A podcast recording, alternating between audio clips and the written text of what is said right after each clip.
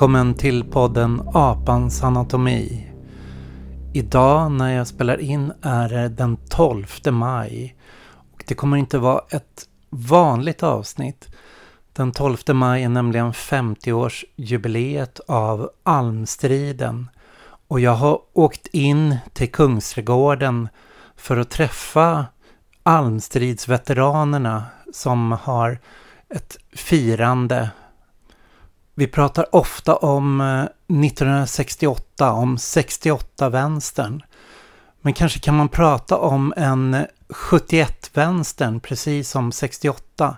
Där 71-vänstern är en frihetlig vänster, en anarkistisk vänster på många sätt, som jobbar med stadsdelsfrågor, organiserar sig i stadsdelarna och arbetar utomparlamentariskt i icke-hierarkiska former. Almstriden handlade inte bara om några träd i Kungsträdgården, utan det handlade om den stadsomvandling som skedde i Stockholm med rivningen av Klara och där de andra stadsdelarna, Kungsholmen, Gamla stan och Södermalm, stod på tur. Det var den urbana front som flyttades från innerstan och utåt och pågår än idag. Almstriden var ett sätt att säga hit men inte längre. Man hann inte rädda Klara, men här drog man en gräns i sanden. Almstriden blev på många sätt också start för den miljörörelse och den alternativrörelse som kom att växa under 70 och 80-talet. Med kamp mot massbilismen, utsläppen och kärnkraften. Men det är också startskotten för den stadsdelsrörelse som vi inspireras än av idag. Så följ med in till almarna och träffa 70-plussarna som är nyvaccinerade, har kommit samman.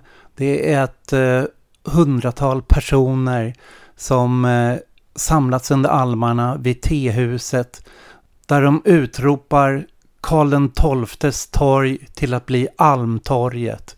De tar tillbaks kungens torg till folket.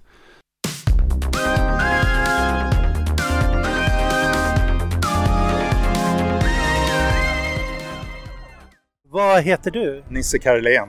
Var du med under Almstriden?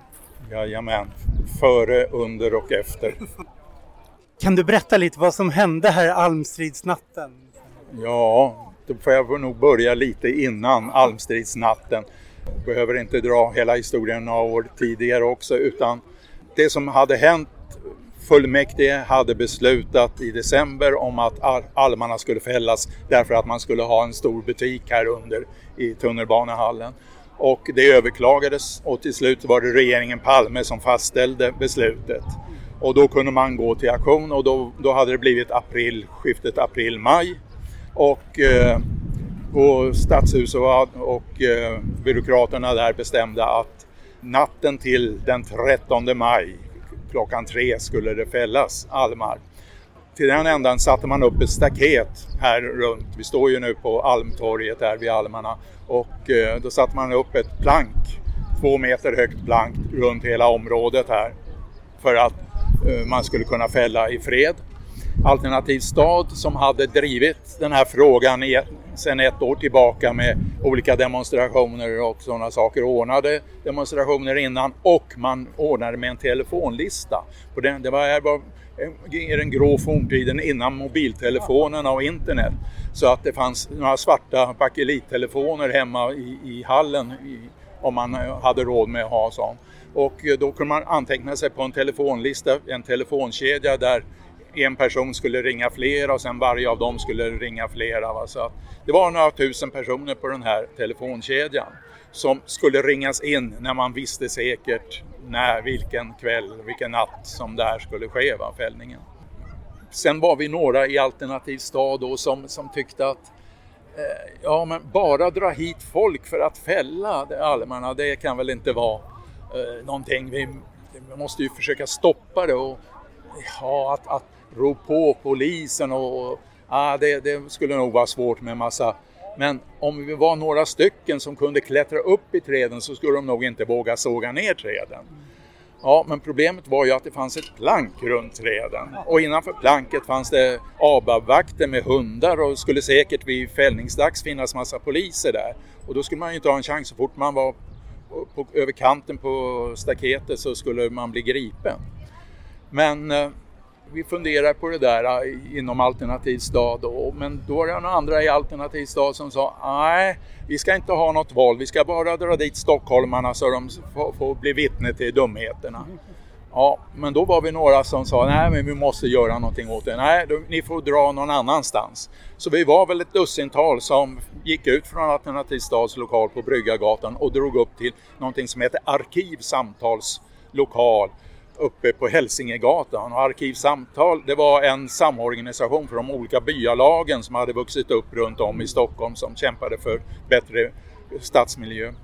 Nåväl, där på den där äh, lokalen vi bor, bänkade vi oss vid bordet och började fundera på hur man skulle göra. Vi tog fram blädderblockspapper, ritade upp en karta över hela torget här och men med bland de här äh, var en äldre herre i kavaj, nämligen Gunnar av Klintberg, pensionerad generalmajor som hade engagerat sig i stadsmiljöfrågor och han tyckte väl att, att han kunde väl bidra med lite strategi och det kunde han verkligen.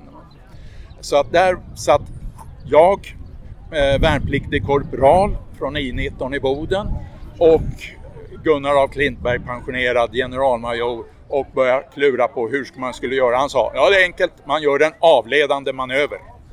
Jaha, hur gör man det då? Ja, då har vi planket och sen så vid ena änden så, så har vi en, några, några elitsoldater som klättrar upp i träden.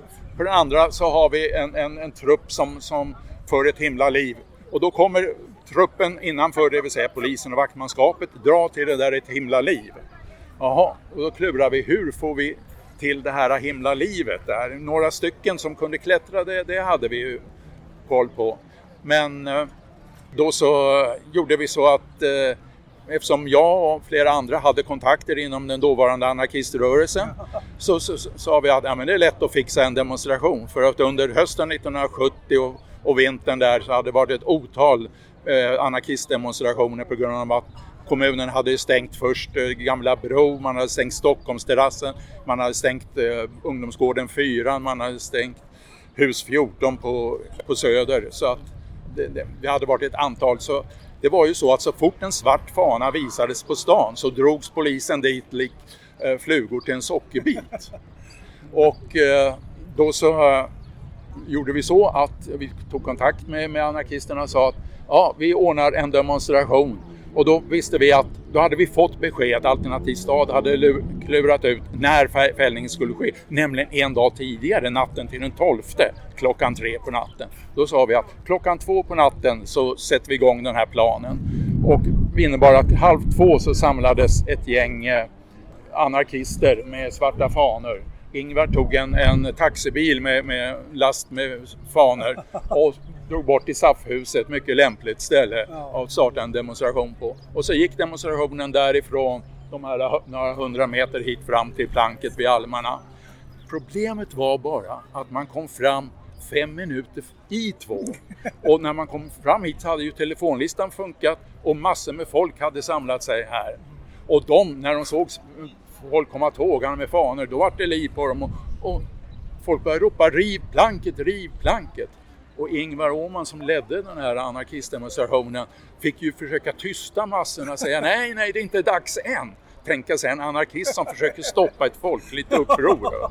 Men så, så var det i alla fall. Och de före, klockan två satte de igång och före ett himla liv. Och ja, det funkade naturligtvis. Alla poliser och vaktmanskap drog sig dit. Och vi lyckades få över några stycken, jag kommer nu inte ihåg om det var två eller tre som kom upp i trädet. Några blev väl haffade av polisen som ändå var ganska mycket poliser där innanför staketet. Nåväl. Men det gick ju ännu bättre än väntat för att där planken var inte så stadig så en del av de här planksektionerna föll. Och det vart ett hål så att poliserna fick bilda plank, alltså bilda en kedja och vi aktivister gjorde likadant, bildade en kedja, så stod man där och buffades med varandra eh, och försökte flytta sig fram någon millimeter åt gången. Men eh, så småningom så efter det där ställningskriget och lite små dispyter och försök att riva mera plank så drog de av någon outgrundlig anledning igång motorsågarna trots att det var massa folk och sånt. Jag vet inte hur de där skulle kunna fått ner de där almarna. Hade man haft aborister uppe som tog ner i sektionerna hade det väl funkat. Men de drog igång motorsågarna och då blev folk på allvar förbannade. Va? Så att eh, ja, man, större, man rusade fram, sprängde poliskedjorna och då kommer ju de här klassiska bilderna som har rullats på TV med polishästarna som kommer in och, och, och batonger som viner och någon hänger i betslet under en häst och så vidare. Va? Men eh, de insåg, någon klok polis där insåg ju att ah, det här kan väl aldrig funka. Va? Utan han gav order om att avbryta aktionen. Va? Och sen efter eh, några, jag vet inte, det är svårt att bedöma tiden här så här 50 år efter, men efter ett tag, några, några kvart, en halvtimme så, så trädde en, en, en, eh, polisofficer med mycket guld på axlarna fram och, och förklarade att nej, det blir ingen fällning i natt. Det har jag beslutat. Vi har beordrat att uh, de här arbetarna ska bort. Och uh, ja, då var det ju stort firande och dans. Men det var ju inte avgjort för det. Va? Ja, men de kunde ju komma nästa natt eller man kunde ta hit större polisstyrkor och driva bort folk härifrån. Men så att Alternativ stad ordnade här då en vakthållning med, med kedjor, med soppkök och allt möjligt och med massa information. Och eh, under de sex, tror jag, dygn som det var tills fullmäktige beslut att i alla fall bordlägga beslutet till, till hösten. Va? Och då visste man, ja nu kommer det inte ske, de lovade, nej det kommer inte ske något under sommaren i alla fall. Va? Och då var ju segern klar. Va? Och under de, det är ju under de där dagarna som det är ett otroligt folkliv här alla möjliga skådespelare, musiker och artister uppträder här. Va, då. Det jag speciellt kommer ihåg från de dagarna för att jag var här på nätterna och sov på dagarna va, och mina universitetsstudier de, de gick åt fanders under den våren i alla fall. Det var Janne Hammarlund som sjöng den här sången om Vi är befriade från skolan. Ja, det, det, är mitt klara minne. Han var ju här idag också. En liten eh det pratas ju ofta om 68-vänstern. De som var här och gjorde det här 1971, var det en annan sorts vänster eller var det 68s fortsättning eller hur ska man beskriva det? Ja, då får du definiera 68-vänstern först. Men, men det var alltså de, de som var här den natten, det var alla möjliga aktivister och jag tror inte så särskilt organiserade i, i några vänstergrupper, det tror jag inte. Eh, och, men sen framförallt de som sen kom och stödde det hela och tyckte att det var bra att vara med i vakthållen. Det var ju all slags folk. Va? Ja. Från, från ja, konservativa östermalmare som tyckte att allt ska vara som det är tills de som tyckte att eh, det är förfärligt med rivningsraseriet i Stockholm eller det är förfärligt med att dra in massa bilar eller de som var emot kommers. Så att det, var, det var en verklig folkfront av folk som, som, som stödde det hela.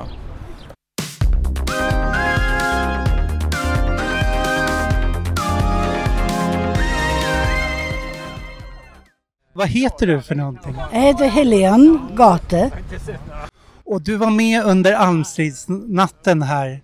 Kan du berätta lite vad som hände då?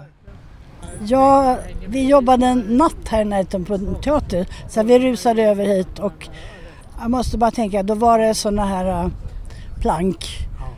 Vi var utanför där, ett helt gäng.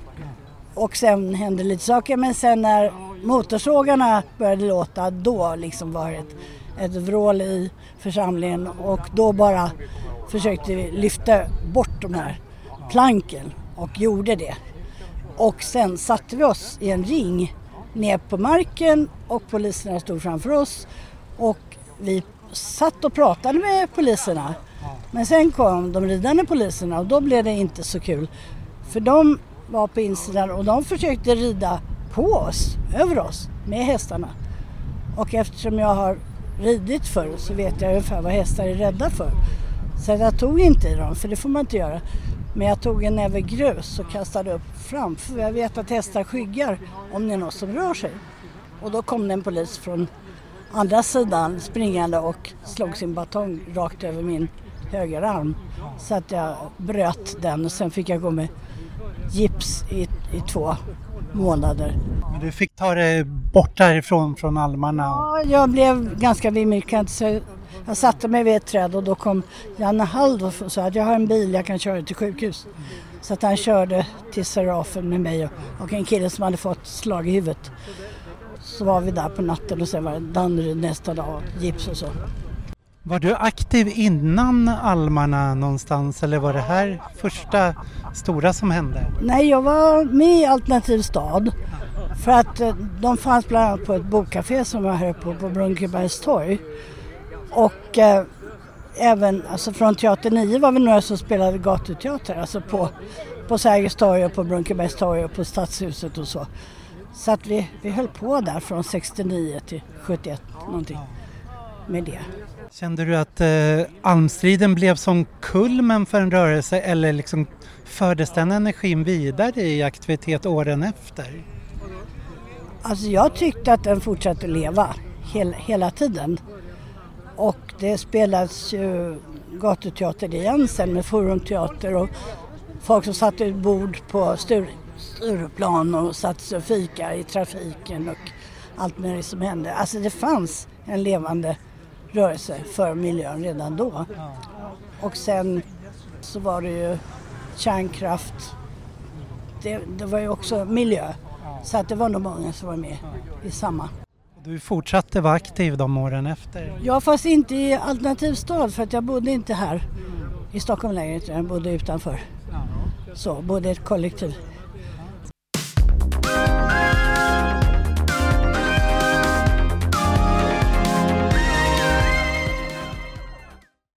Jag heter Fredrika Herland. Jag hade flyttat till Sverige från USA våren 70 för att återförenas med min svenska pojkvän som sedan var min man. Eh, han flyttade uppifrån Lund på sommaren så att vi missade den här första delen som alla pratar om utan vi kom in sista halvåret. Då var vi väldigt aktiva och var med och, och vid den där blå stencilapparaten på kvällarna. Jag, jag tänker det fanns ju inte internet och Facebook och det var väldigt mycket information som skulle ut. Ja, hur gjorde ni då, då för att nå ut med information? Ja, det var den jag, jag kommer ihåg den där lukten. Du kanske är för ung eller vet du hur det luktade? Nej, jag, jag har jobbat Ja, precis. Jo, men det var mycket sånt. Ut och dela ut flygblad överallt, faktiskt. Och sen eh, kvällen när det här hände, då eh, vi bodde i, i innerstan så vi var ju här ganska snabbt. Och sen var vi här under hela veckan. Min man var en av dem som var lite konferenser kan man säga. Ja. Hur gick det till när polisen kom då? Var du här då? Ja, ja. Till skillnad från många andra som har intervjuats jag var, blev jag ganska rädd. Så att det var många som eh, sprang fram och kramade om träden. Men jag vågade faktiskt inte. Så jag, jag stod där borta. För jag tyckte det var väldigt läskigt med de här hästarna. Faktiskt. Så det är bra att det var andra som var modigare. Och så, så stod man där och bara såg alltihop det. Och så såg man hur, hur de är unga män. Jag, jag var ganska ung, jag, jag var 21. Men eh, de yngre som klättrar upp i träden. Då förstod man att det här kommer inte gå, de kan inte fortsätta. Men det var väldigt... Eh, det ser läskigt ut på filmerna men jag kan intyga att det var ganska läskigt när man stod där också. Va? För det kändes ganska, ja, hemskt. Hur viktig var den här händelsen för din generation, tänker du? Ja, ja det, det, var faktiskt jätteviktigt. Och sen är det någonting som man kanske inte tänker så mycket på och det är att det var inte bara en Stockholmsfråga. Min man jobbade för lantbrukskooperativ och det ringde folk till honom från överallt, från Gotland och överallt. Du vet, jag var på TV varje kväll. Så vi, det var många som tyckte att det här var jätteviktigt. Och det här lärdomen ifrån almarna, det var jätteviktigt när vi stoppade eh, det här nya Nobelhuset. För det var lite grann samma sak som hände där, att tjänstemännen, de har väldigt mycket makt och man kan inte, om de får för sig en idé, då är det jättesvårt att ändra på det. Och politikerna får så mycket papper på sitt varje dag på sitt bord så att de, de litar väldigt mycket på politikerna. Jag vet inte om du såg på filmen igår kväll? Gjorde Nej, du jag har det? inte sett Nej, den. för då intervjuade, de intervjuade de här gamla politikerna som satt i fullmäktige nu och Mats Hult och någon folkpartist. Då sa de att det de lärde sig då, det var att man kan inte bara lita på vad tjänstemännen skriver i sina utlåtanden. Man måste ta reda på fakta. För att de, de, många politiker trodde att tunnelbanan skulle bli försenad, utbyggnaden till eh, Järva. Men det var, det var inte det alls. Det var bara en fråga om var uppgången skulle ligga. Va? Ja, så det här, det här, jag tror faktiskt att det här var jätteviktigt. Det var jätteviktigt. Det är ju jättemånga här som var med då. För jag undrar lite, vad hände efter almstriden? Vad tog ni vägen allihopa? Fortsatte ni göra saker ihop? Ja, det, det gjorde vi ett, ett tag. Alla nästan som var aktiva har fortsatt Ja. eh, med olika saker. Till exempel att försöka stoppa rivningar och, och Nobelhuset och sådana grejer. va, Så man känner igen folk.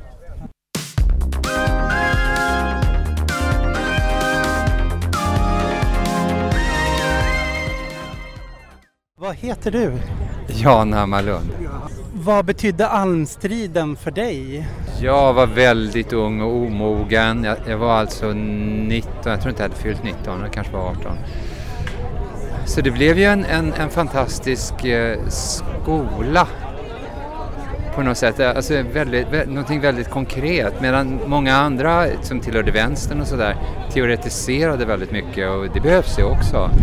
Men eh, det här var verkligen konkret kamp och eh, sådana här personer som Ralf Fiedler och Göran Folin som är, är, var och är filosofer.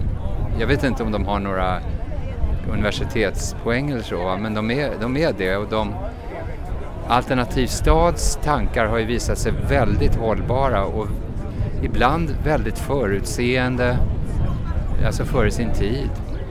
Nu igen tycker jag det känns bara som en sån här sak som allmänna platser som nu har försvunnit och tyvärr blivit till eh, gallerior. Och där, är man ju, där har man så vitt jag förstår laglig rätt att vara även om man inte ska köpa någonting och agitera och musicera men i praktiken så är det väl inte särskilt många som är klara över att man har den rättigheten. En sån allmänning som det faktiskt är frågan om även om det, det ofta tyvärr nu numera är i eh, privat ägo. Var det någon skillnad på 68-vänstern och de som var här 1971 i almstriden? Var det samma? Jag, tror- jag tror att det var ganska få av den boklärda vänstern. Det var en ungdomar som hängde på olika ställen som faktiskt barnavårdsnämnden höll tillhandahöll. Gamla Bro till exempel, även om det så småningom då Ja, det är en lång historia hur det tog slut, det kanske vi inte ska dra nu, men och när, när kom du in i allt det här? Var, hur blev du aktiv? Mm.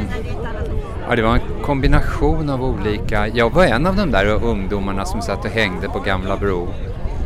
Och eh, det var lite droger och sånt där faktiskt. Så här, men för min del så tror jag nog att det var ju musiken som räddade mig kan jag säga. Och som också gav mig en, en viss roll i det hela. Eh, jag har varit förekommit i väldigt många olika politiska rörelser sjungandes för det mesta eller, eller på något annat sätt or- organiserat också en, en hel del.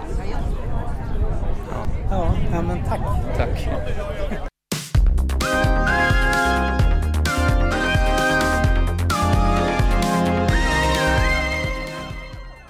Nu så har vi gått iväg lite från almarna och jag har med mig Göran Folin som var en central person här kring både almsliden och Alternativ stad. Och vi tittar lite på eh, den utställning som har ställts upp här. Kan du berätta lite Göran själv, hur kom du in i hela den här rörelsen? Ja, man kan säga att det var sommaren 68 för då var ju Sergels torg alldeles nytt. Och där hade de satt upp en talarstol och ett jättestort klotterplank. Och det drogs jag till tillsammans med tusentals andra stockholmare. Där stod vi och snackade förbanne med både dag och natt och eh, med bakgrunden de här halvrivna husen i det gamla Klara. Så en given sak att snacka om det var ju just vad fan håller de på att göra med stan? Håller de på att riva hela stan och trafiken bullrade omkring den här jävla trafiken. Så eh, plötsligt så var jag engagerad just i de lokala frågorna, vilket jag inte hade varit förut. Och sen eh, var jag med då i Stoppa mässan på hösten 68, Alternativjulen 68 och efter det som blev väldigt lyckade aktioner där vi verkligen segrade kan man säga. Och sen så undrade vi vad fan ska vi göra nu? Jul är bara en gång om året. Och då snackade vi oss fram till att vi startar någon grupp som kan jobba med stadsmiljöfrågor överhuvudtaget. Och då kom Alternativ stad i början av 60, eller i, vad var det, februari 69 bildades vi. Ja, på den vägen är det kan man säga. och efter några år då så vi hade ju olika aktioner, ofta riktade mot den här lite pyrande massbilismen. För de var ju rent förjävliga på den tiden. Alltså de hade planerat att att bredda en massa gator i hela innerstan, korsan och tvärsan, därför att det, man hade den ideologin att eh, bilarna måste fram till varje pris. Och eh, det där började Stockholm bli förbannad för. Vad ska de riva och riva och riva för att bara bygga för bilen? Det är ju inte klokt. Så att eh, där hade vi aktioner och eh, rätt mycket kring trafiken. Och sen så fick vi lite av en slump reda på det här med almarna, att de tänkte såga ner dem. Och då var det en liten grupp i Alternativ stad som tog tag i det här och kollade det och såg att ja, det här är helt koko. Alltså att de, man kan bara flytta hallen lite grann eller göra den lite mindre så är det inget problem med att rädda almarna. Men att då hade det redan gått sån prestige i det, särskilt bland teknikerna som hade ritat den här hallen. Så att de ville inte ändra någonting. Och vi höll på sedan i tio månader och eh, bildade opinion och fick ju upp en jäkla stark opinion. Alltså, så att när det sen var dags att fälla träden då var ju opinionen så stark så politikerna mm. hade ju inte en chans att stå emot den längre. Ja. Eh, kan du berätta lite, hur gjorde ni rent organisatoriskt med allt? Hade ni egna alternativ, medier eller Alltså för alla som tänker det här långt innan internet, långt innan mobiltelefoner. Hur fick man ut så mycket folk på gatorna när det väl hände? Det var ju klart eh, en sak som vi funderar mycket på. Hur sjutton får vi kontakt med stockholmarna? Hur kan vi nå ut? För lyckas vi bara nå ut med det här, då kommer vi att vinna. Vad vi gjorde, dels var det här alltid beprövad cykeldemonstration. Det var faktiskt första cykeldemonstrationer som, som vi gjorde då efter sommaren 1970. Vi var inte särskilt många, vi cyklade omkring, hade plakat.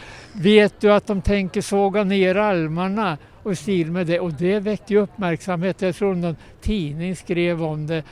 Och sen var det annat och vi lyckades få in en debattartikel i Dagens Nyheter. Och eh, vi jobbade med flygblad ute på gator och torg och spred det, satte upp affischer och långsamt så växte den här, en opinion bland stockholmarna och det växer fram då en känsla av att fan har de tagit hela gamla Klara och de hanterar trafiken på ett idiotiskt sätt med mera. Så att eh, när de nu har tagit Klara så ska de fan inte ta almarna heller. Så det blev lite sådär hit men inte längre stämning bland mm. stockholmarna som ju var väldigt givande. Alltså. Och, mm som gjorde att så många engagerade sig. Mm. Jag har pratat med några här, Nisse Kalén har berättat om hela Almstridsnatten, hur det gick till. Men när jag har frågat runt lite, vad hände sen? Då har alla sagt, det får du ta med Göran. När, när almstriden var över, vad tog folk vägen sen? Ja, det, eh, vi var ju kvar en alternativ stad fortsatte året efter så var det FNs eh, miljökonferens här i Stockholm och där gick vi i bräschen för att göra då något folkligt alternativ till den. Inte för att vi tyckte att den var dålig i sig, det var bra att de körde igång den, men den var ju otillräcklig. Så vi ville ju ha mycket hårdare miljökrav då och uh, började med en liten grupp som vi kallade powwow-gruppen, lite romantiskt eh, indiannamn för sammankomst eller något sånt där. Och sen bildade vi Folkets forum där vi hade seminarier, demonstrationer, manifestationer av olika slag. Och bara det väckte stor uppmärksamhet och det ledde sen till att ända fram till i våra dagar så är det ju legio att ha de stora internationella konferenser så finns det alltid folkliga alternativ till det som är där och jobbar, ställer krav och sånt där. Så det blir lite historiskt också. Och sen vandrade vi vidare med aktioner då, år efter år. Men folk följer ifrån, många bildar familj, skaffar barn. Eh, på den vägen var det. Några av oss har i alla fall fortsatt alla år. Alltså, och eh, ja, vad ska man säga? Jo, jag kan också säga att eh, opinionen idag, man tycker det är lite lojt och lite lamt. Men vi, för ett par veckor sedan bara så kollade vi började vi titta vad finns det för grupper som är igång idag och blev så överraskade att vi hittade på kort tid 150 olika aktionsgrupper, föreningar som jobbar för stadsmiljön på något sätt. Helt överväldigade, wow alltså, att det är så mycket igång och de får kanske ytterligare en liten knuff av eh, almjubileet. Ja. På 70-talet så fanns det en hel rörelse av stadsdelsgrupper. De kallades byalag. Hur var relationen mellan Alternativ stad och byalagsrörelsen? Att, eh, byalagen startade de första sommaren, hösten 1968, alltså före Alternativ stad. Och jag var med i ett av dem förresten, av de första. Vi hade ju jättebra relation till dem och det var ju lite grann, det var ju samma anda. Folk var förbannade för vad som höll på att ske med stan. Så de bildade lokala grupper och byalag som det kallades, i, över, både i innerstan, alla stadsdelarna och runt om i, i stan. Det blev en ganska bred rörelse och där var det ju vanligt folk som aldrig hade varit engagerade i någonting annars som kom med där. Och när sen Alternativ stad bildades så var det många som började kallas, ja ni är ju ett byalag för hela Stockholm. Det var ganska roligt att, att, att höra. Eh, så att vi hade hela tiden väldigt bra relationer till dem och i alla aktioner vi gjorde så såg vi att det kom också folk från byalagen med. 68 vänstern har det ju pratats mycket om och du berättar om att det här startade 68. Men det är ofta väldigt mycket prat om den marxist-leninistiska bokstavsvänstern Alternativ stad, vad, vad för slags strömning var det? Liksom?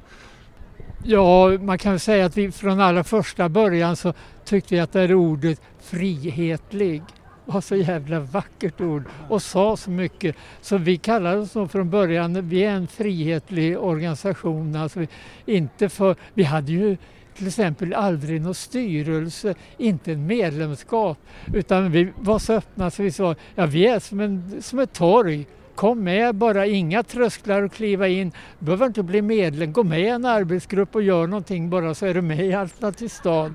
Och det där till mångas förvåning funkade ju så jävla bra. Jag kommer ihåg jag träffade en utav de här snubbarna i bokstavsvänstern verkligen. Och när jag berättade hur vi jobbade och hur vi funkade så haha, ingen styrelse, inga medlemmar, ni kommer inte att finnas om sex månader. Haha.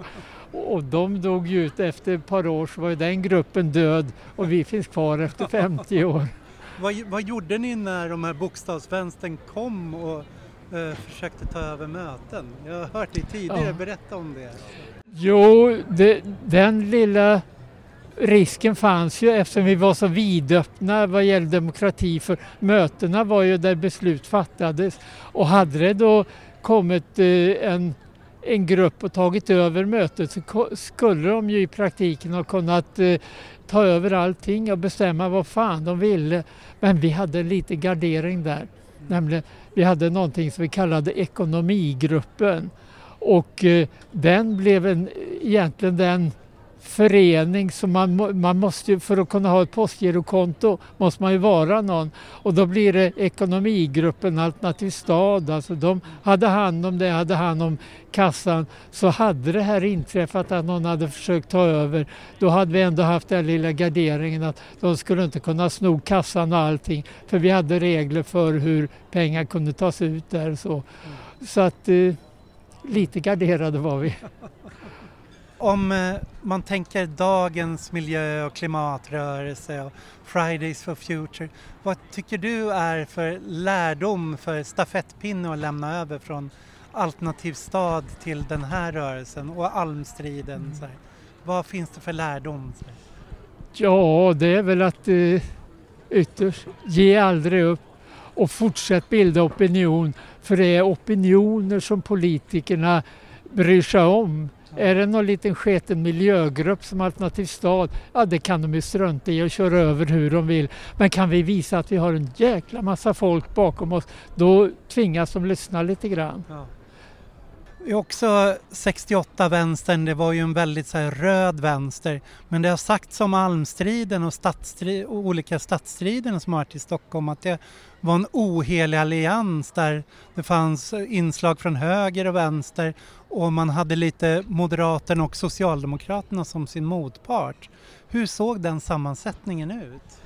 Ja, det var, den opinion som vi lyckades bilda, den var intressant för där var det ju folk från alla kategorier från Östermalmsdamerna som kom med sin lilla fina nya vita vårhatt och, och kanske en eh, en paraplygrej som de hötte med ibland och fram till anarkister och, och flummare som satt där. Det var över hela linjen alltså samlades folk kring almarna. Det är ganska ovanligt.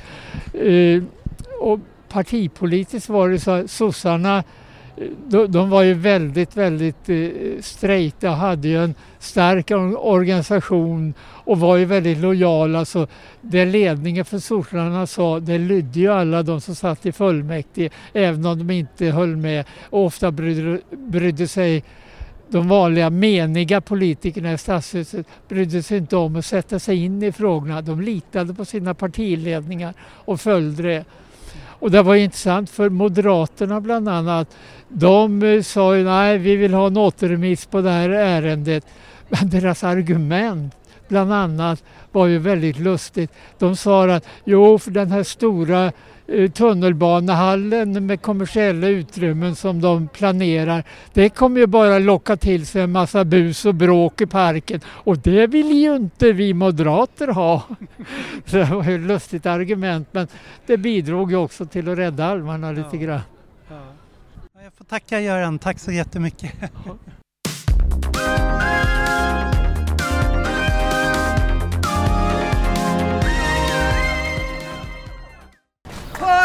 exakt 50 år sedan, precis på den här platsen, så gick det ett skrik genom en stor folksamling.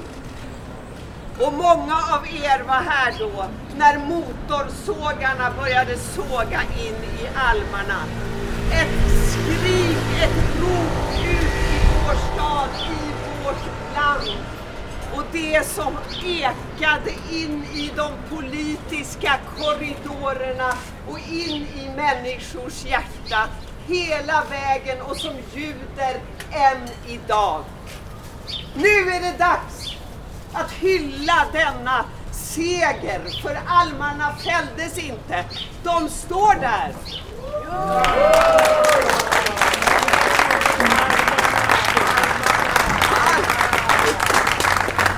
Ja. mår bra med att byta namn på torget. För tio år sedan precis, på den här platsen så stod August Strindberg gestaltad av Johannes Brost som salig i åminnelse. Han själv deltog under tumultet då när skriket ljöd ut över staden. August Strindberg själv, den gamle giganten, han deltog själv under ett tumult i samband med invigningen av Karl XIIs staty 1868. Han skriver om detta. Polisen kom, uppretade folkmassor, fick inte plats att se hjältekonungen resas.